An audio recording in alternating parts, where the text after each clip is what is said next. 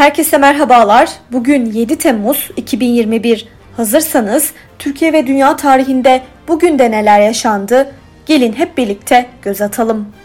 1668 Newton Cambridge'deki Trinity Koleji'nden master derecesi aldı. 1929 Mussolini Papa ile anlaşınca bağımsız Vatikan kuruldu.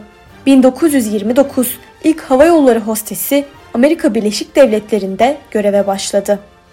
Türkiye tarihinde bugün yaşananlar 1948 İdilbiret ve Sunaka'nın yurt dışında eğitim görmelerini sağlayan ve kamuoyunda harika çocuklar yasası olarak bilinen 5245 sayılı özel yasa çıktı.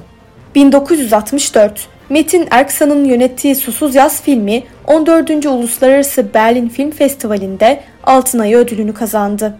Bugün doğanlar 1854 Rus bilim adamı ve yeni kronolojinin kurucusu Nikolay Morozov dünyaya geldi.